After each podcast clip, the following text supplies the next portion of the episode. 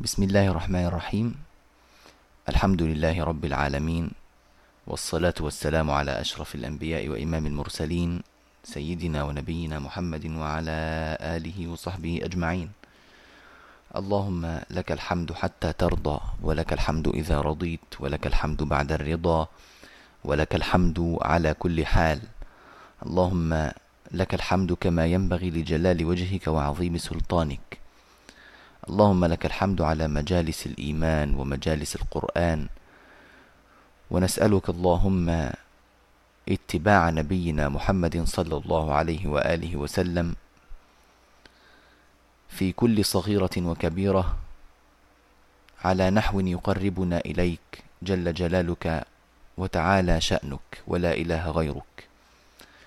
ونسأل الله سبحانه وتعالى أن يوفقنا وإياكم للعلم النافع والعمل الصالح وأن يجعل عملنا كله خالصا لوجهه الكريم لا حظ لأنفسنا ولا لأحد فيه إلا كل خير. اللهم آمين.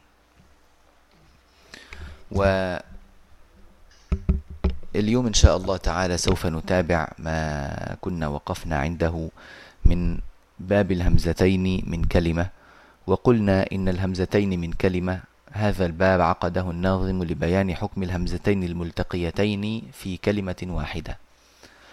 وقلنا إن الهمزتين من كلمة لها ثلاثة أنواع. مفتوحة فمفتوحة مفتوحة فمكسورة ومفتوحة فمضمومة. هذه هي الأنواع الثلاثة. وقلنا إن أهل سما نافع وابن كثير وأبو عمرو يسهلون الثانية دائما.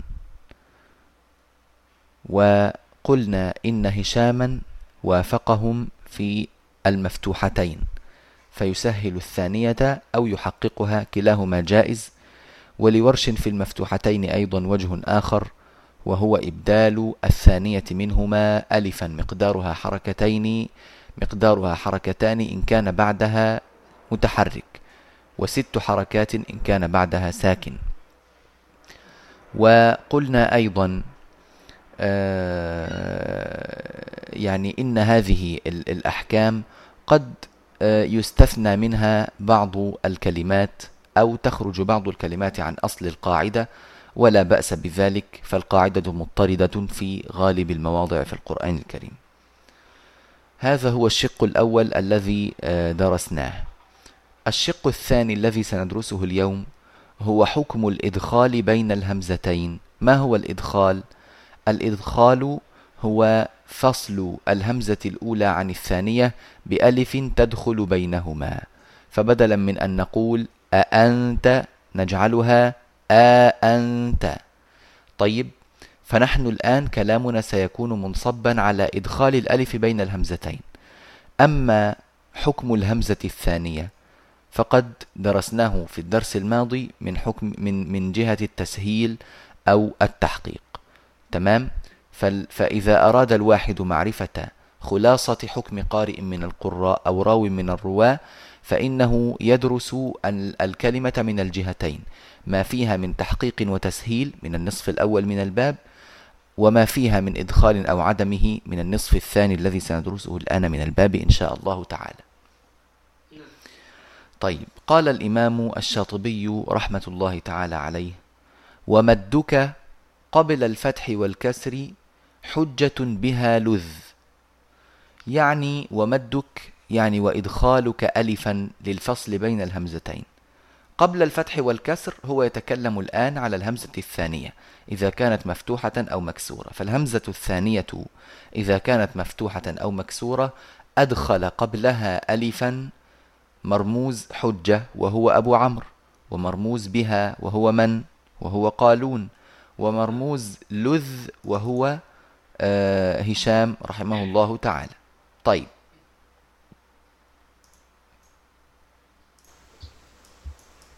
نعم.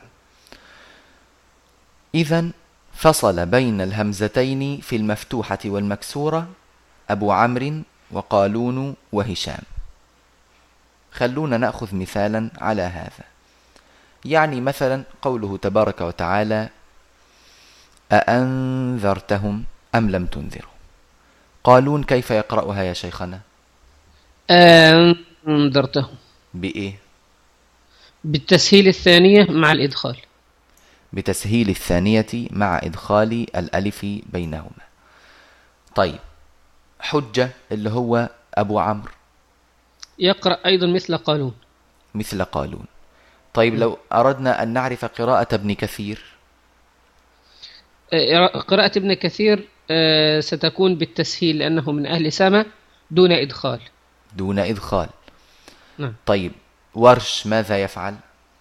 آه، له وجهان إما التسهيل لأنه من أهل سما وله وجه آخر وهو الإبدال في إدخال ولا ما فيش؟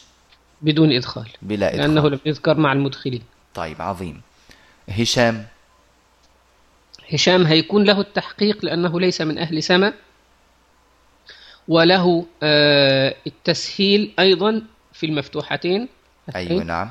آه، وله الإدخال. وله الإدخال. يعني يقرأ أنذرتهم دي إزاي هيقرأها زي قالون مرة. أنذرتهم. نعم. وهيقرأ أنذرتهم. أحسنت. ما شاء الله. فيعني أدركنا آه، إن شاء الله معنى قول الناظم ومدك قبل الفتح والكسر حجة بها لذ هذا بالنسبة للفتح. نعم. عقب الناظم وعلق على الكسر فقال وقبل الكسر خلف له ولا. له رمز لمين؟ آه لهشام. كويس. يقول إن قبل الكسر يعني مفتوحة فمكسورة زي مثلا آه آه أإذا كنا ترابا مثلا يعني فرضا. أو إنه آه اللهم صل على سيدنا محمد. هذه الكلمة يقرأها هشام بالإخبار. نعم. فيقول مثلا نأخذ مثال أئنا لمدينون مثلا أو لمبعوثون فرضا يعني. فكلمة أئنا هنا ماذا يفعل فيها؟ سيقرأ فيها بتحقيق مع أيوة. الإدخال ودون. أيوة. يبقى عنده هنا وجهين أيضا. التحقيق مع الإدخال وعدمه. نعم. وهناك في المفتوحة قلنا التحقيق التسهيل والتسهيل مع الإدخال كويس نعم.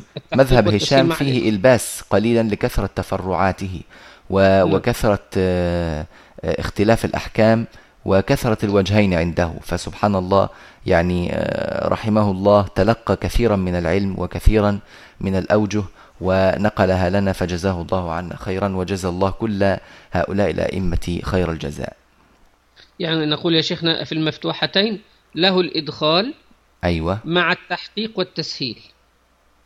الإدخال صح. مع التحقيق والتسهيل نعم. نعم وفي وفي المفتوحة مع المكسورة التحقيق مع الإدخال وعدم. أيوة نعم تمام. هكذا يعني لا غبار على الكلام. أحسنت الله يفتح عليك. قال وفي سبعة. طيب مذهب آه، قالون وأبي عمرو هنا على ما هو عليه على ما أطلقه في قوله قبل الفتح والكسر حجة ومدك قبل الفتح والكسر حجة بها لذ. نعم. طيب وفي سبعة لا خلف عنه. عنه الضمير هنا عائد على من؟ على هشام. على هشام. مش هو قال وقبل الكسر خلف له؟ يقول نعم. إلا أن هناك كلمات وقعت فيها الهمزة المفتوحة بعدها همزة مكسورة وكان الأصل فيها أن يكون فيها الإدخال وعدمه فخرجت المواضع عن القاعدة وصار فيها فقط عدم وصار فيها آه الإدخال فقط لا يجوز له في في هذه المواضع إلا الإدخال فقط جيد نعم. نعم. فيقول ما هي هذه المواضع؟ بمريم. نعم. بمريم. يعني أن موضع سورة آه، مريم ورد فيه آه، الإدخال فقط. إيه هو موضع سورة مريم؟ هو قوله تعالى آه، ويقول الإنسان آئذا ما مت لسوف أخرج حيا. نعم. آئذا ما مت لسوف أخرج حيا. كويس بمريم. نعم. وفي حرفي الأعراف سورة الأعراف فيها موضعان. قوله نعم. تعالى آئنكم لتأتون. وقوله تعالى آئن لنا لأجرا. وهنا ننبه إلى أن ألف الفصل هذه لا تقرأ إلا بالقصر فقط. يعني مش واحد يجي يقول هنا عندي ألف وبعدها همزة أمد بقى أربع حركات على مذهب هشام. لا هذه الكلمات. نعم هذا قد يلبس على بعض الناس يعني يقول لك والله أنا لم أرى شيء يعني يستثني هذا الأمر. أين؟ نعم.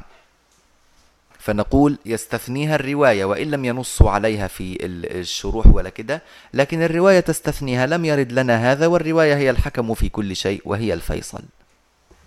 يعني لو أن طالبا يقرأ القراءات من الكتب لما بان له هذا الأمر أصلا ولا أجراه على على الأصل أنه على إذا طول قابل ويقول لك مد بأربع آه إذا ما. نقول له بتعمل إيه؟ يقول لك بمد وسلطن كمان. نقول له طب توكل على الله وسلطن براحتك.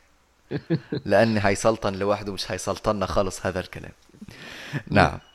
يبقى بمريم وفي حرفي الأعراف اللي هم آئنكم لتأتون وآئن لنا لأجرا. والشعراء في قوله تعالى آئن لنا لأجرا أيضا إن كنا نحن الغالبين. وفي سورة الصافات كما يقول أئنك آئفكا معا فوق صادها. أئنك آئفكا معا يعني الكلمتان كلاهما فوق صاد. هذا المصطلح يستعمل كثيرا في كتب القراءات وفي متن الشاطبية سيمر معنا كثيرا. يقول لك فوق سورة كذا أو تحت سورة كذا.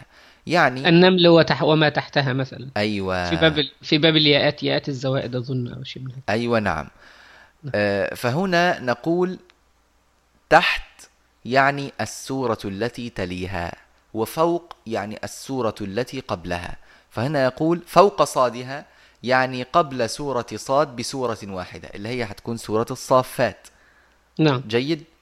آه كما البيت الذي ذكرته أيضا وتحت النمل عندي حسنه مثلا فكلمة وتحت النمل يعني إيه؟ سورة القصص. جيد؟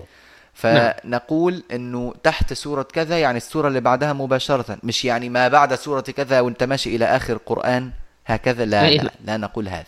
تحت كذا يعني السورة اللي بعدها م... بعدها مباشرة فوق كذا يعني السورة التي قبلها مباشرة. طيب إذا أئنك وآئفكا كلاهما في سورة الصافات. أئنك اللي هي قوله تعالى يقول آئنك لمن المصدقين وآئفكا في قوله تعالى آئفكا آلهة دون الله تريدون. كلاهما في سورة الصافات. وفي فصلت حرف. في فصلت حرف يعني في آه، سورة فصلت موضع وهو قوله تبارك آه، وتعالى قل آئنكم لتكفرون بالذي خلق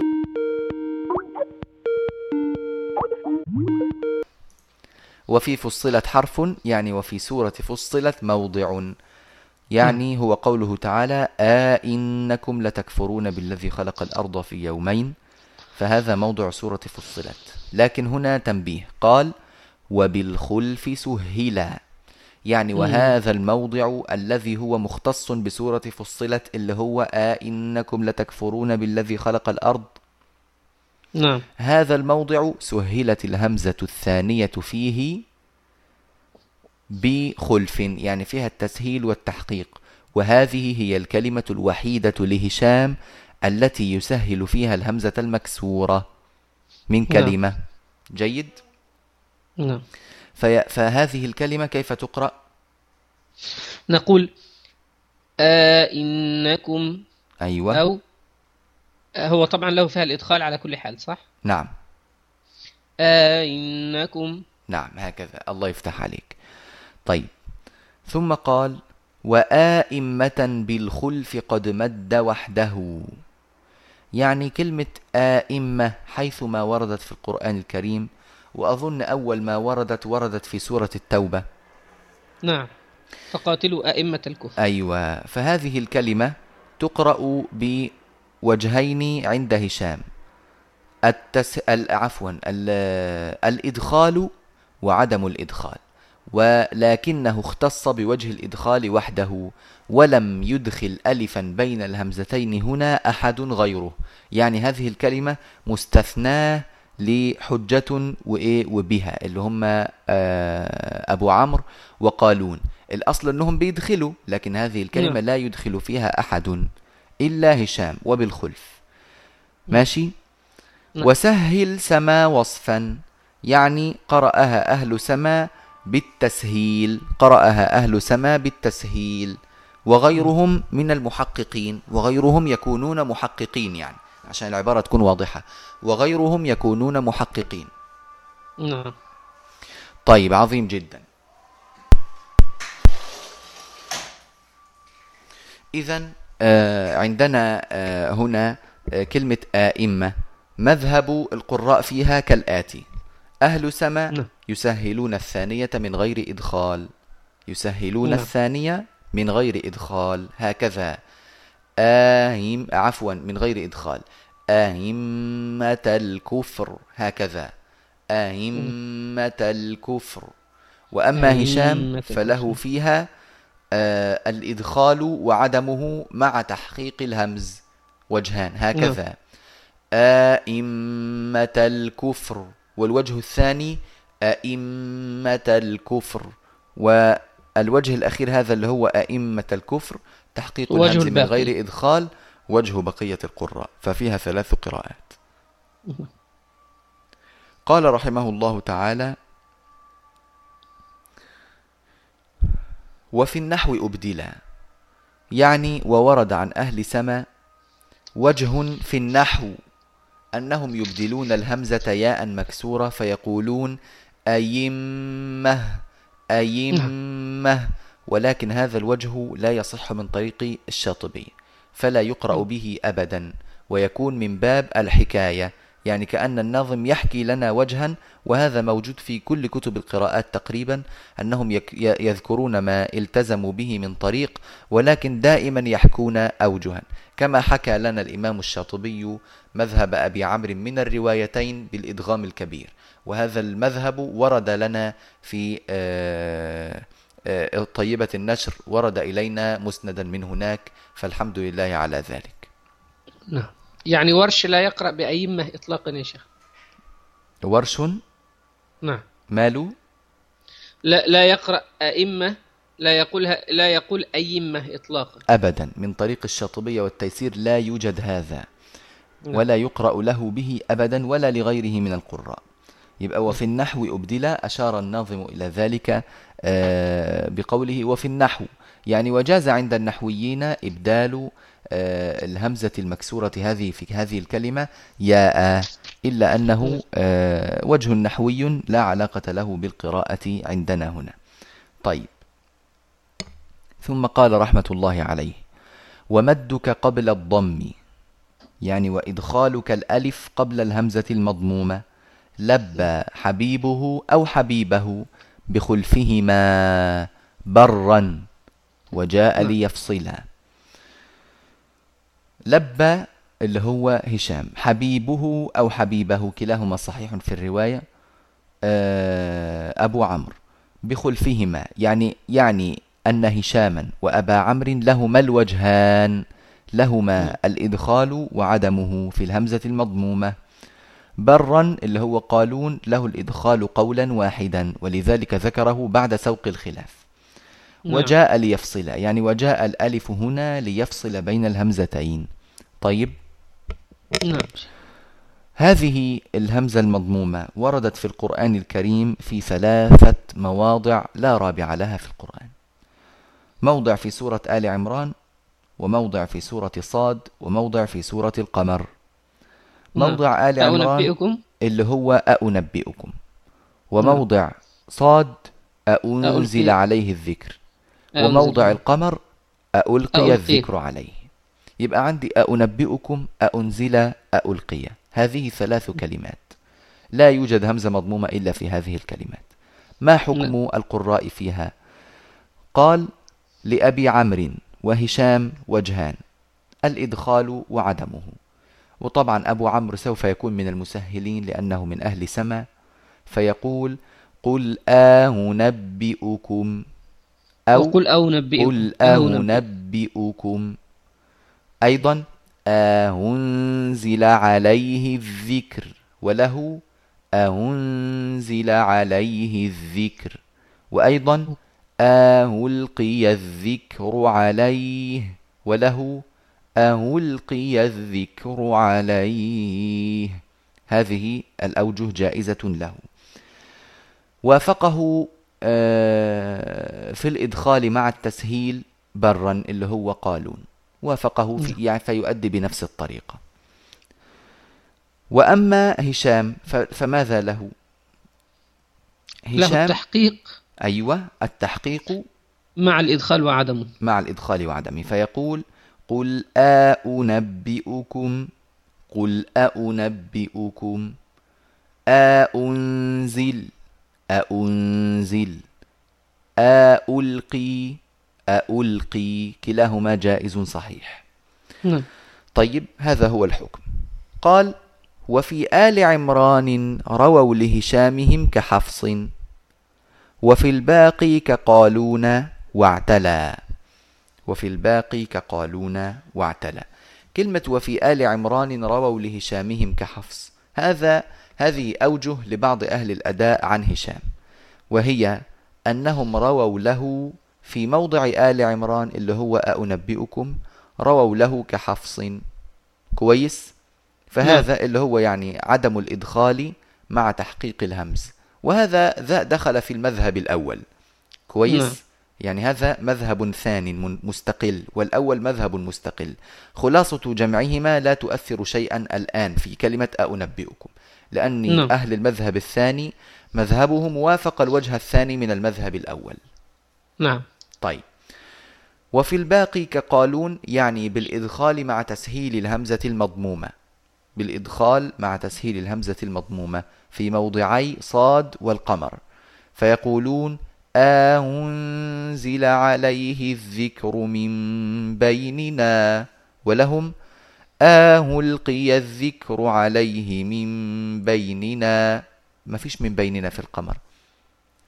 ما هي الآية؟ ألقي الذكر عليه من بيننا؟ بل هو كذاب أشر أيضا فيها نعم. من بيننا. نعم. طيب. إذا آه يعني خلاصة المذ... خلاصة مذهب هشام. في كلمة أنبئكم إيه؟ له آه في كلمة أنبئكم له فيها وجهان التحقيق مع الإدخال وعدم. تمام. وفي على المذهب الأول والثاني مندرج معه. نعم. وفي المذهب وفي كلمة أأنزل أو ألقي. له فيها آه ثلاثة أوجه. أيوة. التحقيق أيوة. مع الإدخال والتحقيق مع عدم الإدخال والتسهيل مع الإدخال كقالون. جميل. جميل جدا. الله يفتح عليك. هذا هو باب الهمزتين من كلمة سهل يسير والحمد لله على ذلك. يأتي بعده باب الهمزتين من كلمتين. وهو موضوع حديثنا في الدرس القادم إن شاء الله تعالى. نسأل الله أن يعلمنا وإياكم ما ينفعنا وأن ينفعنا بما علمنا وألا يجعلنا آخر السند بل يصل إسنادنا بمن بعدنا إلى يوم القيامة. اللهم آمين. وصلى الله على سيدنا محمد وآله وصحبه أجمعين. والحمد لله رب العالمين.